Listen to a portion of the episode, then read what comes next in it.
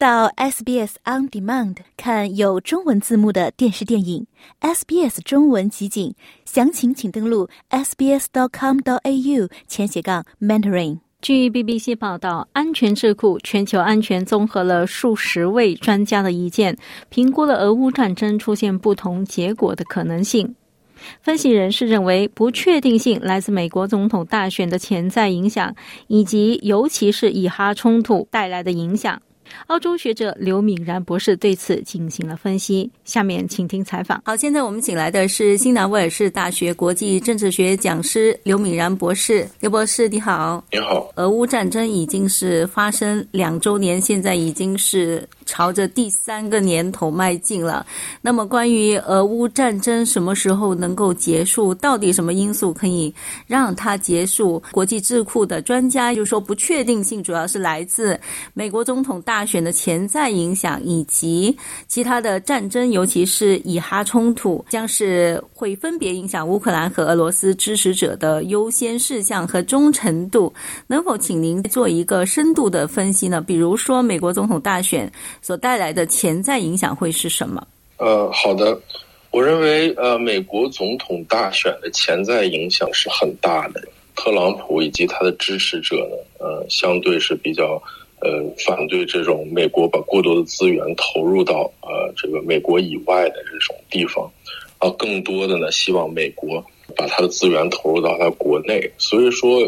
这些呃分析人士也指出，可能会减低或者甚至停止很大一部分这个美国对乌克兰的援助。呃，这个可以说是非常可怕的这个结果，因为如果我们看从这个目前就截止到呃上个月吧。欧盟是提供了最大规模的援助，但是呢，欧盟提供的援助大部分都是资金援助，这个军事援助呢，就是牵大头的，就是美国。如果说美国在这个特朗普当选总统之后呢，他的这个风向转向，或者说降低目前对于这个俄乌克兰的支持呢，对于乌克兰当然是很不利的。乌克兰和这个俄罗斯在之前的这个俄乌战争中可以僵持，可以这个可以说打得难解难分。很大的原因其实就是因为这个，呃，西方对它的支持。乌克兰虽然在欧陆面积是第一大国，人口也非常大，拥拥有很多的军队，但是它跟呃俄罗斯相比呢，它的不管从呃面积、人口，还有它这个军事的体量来说，都还是我认为不是一个量级的。所以说。如果在这个缺乏支持，尤其是美国的这种军事和科技方面的支持情况下，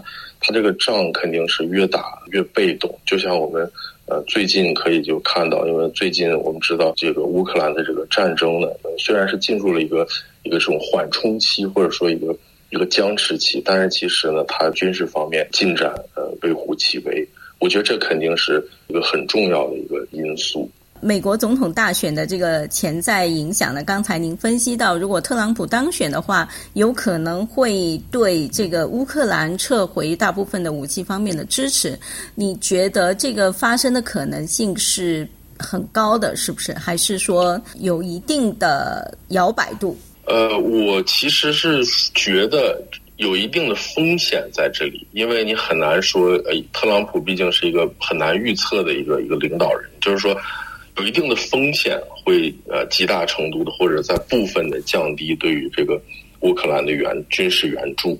但是呢，从另一方面，我又认为，如果是从理性的角度来说的话，呃，特朗普应该在这个俄乌的这个冲突中或俄乌战争中，或者说对乌克兰的支持上，他是被限制的，因为我想，如果我都可以呃，就是大概的这个预料到。缺乏美国的援助，乌克兰的这个基辅政权会受到很大的来自俄罗斯这方面的压力。那特朗普就是作为美国总统，他肯定会获得很多的这情报部门给他的这个提供的信息。美国包括他这些盟友给他提供的信息，肯定会提到，就是说。如果缺乏美国对于乌克兰的援助，或者说降低美国对乌克兰的援助，这个乌克兰政府可能，或者说乌克兰现在的政权很可能在多长时间之内，呃，会出现问题，或者甚至支持不住，这都是有可能的。所以说，如果在这样的这种结构压力，或者说这种军事压力、地缘政治的压力之下，特朗普到底能不能做出这种大规模的削减援助的这种计划，或者说这种政策，我认为还是存疑的。我认为从理性的角度来说，他不应该这么做。但是呢，确实就像咱们之前所说的，这种可能性是存在。那另外一个因素呢，据称是以哈战争。嗯，我认为以哈战争对于俄乌的影响最大的影响，其实是我认为是对美国的影响。呃，因为美国在这个俄罗斯入侵乌克兰，包括以哈战争中呢，都扮演了一个非常重要的角色。但是呢，我认为这件事情对于美国的影响，主要是存在于对于他的这个身份，或者说他作为国际这个一个领导者这个地位的一个影响，或者说对他话语的一个影响。其实说以哈这件事情对于美国物质上的牵制到底有多大？我看有一些评论谈到这个事情会牵制美国这个。物质的这个，这就是对于俄乌战争这个物质支持的这个力度。但我认为，他支持以色列并不需要特别大的这种资金，或者说特别大的这种军事上的援助，因为以色列毕竟在中东地区具有这种非常强大的军事和科技实力，并不需要美国真正的投入特别大的真金白银在这上面。真正对于他的影响是，是对他这个身份，或者说他这个目前作为国际这个。仲裁者或者也好，或者说国际秩序领导者也好的一种地位的影响，因为在俄乌战争中，美国可以非常轻松的说俄罗斯是入侵者，我站到乌克兰这边支持乌克兰，这个没有问题。但是在以哈这件事情上面呢，我们知道这以色列虽然是肯定是遭到了这种恐怖袭击啊，这件事情我认为是受到大多数国家的这个这个承认的，但是说它后边的这些后续呢？确实也是借这个机会啊，对于这个尤其是加沙南部地区的进攻，造成了巨大的这个人员呃伤亡，啊，尤其是平民的伤亡。所以说这件事情上，美国一直站以色列的台呢，肯定是会对他的这个呃他的这个形象，或者说对他的这个全球领导地位的影响。我觉得这件事情的重要性可能是大于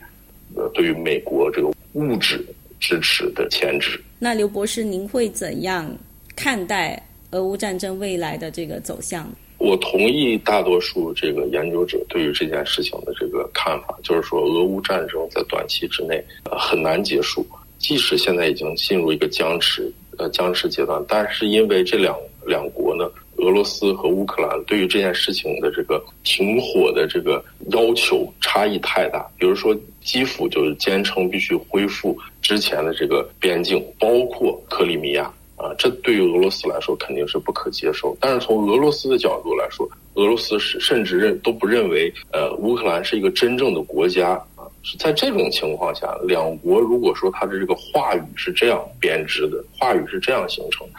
这个需要一个很长的时间。把他们的调门降低啊，或者说把他们的话语进行一些改变，然后才能进行有效的谈判。如果说目前以这样的一个话语啊进行谈判的话，我并不认为任何真正的和平和平进程可以可以达到。所以说，目前来看呢，呃，即使军事行动陷入僵持，这种僵持呢也会持续很长的一段时间。嗯，好，那我们也非常感谢新南威尔士大学国际政治学博士。刘敏然博士给我们做的分析，谢谢。谢谢。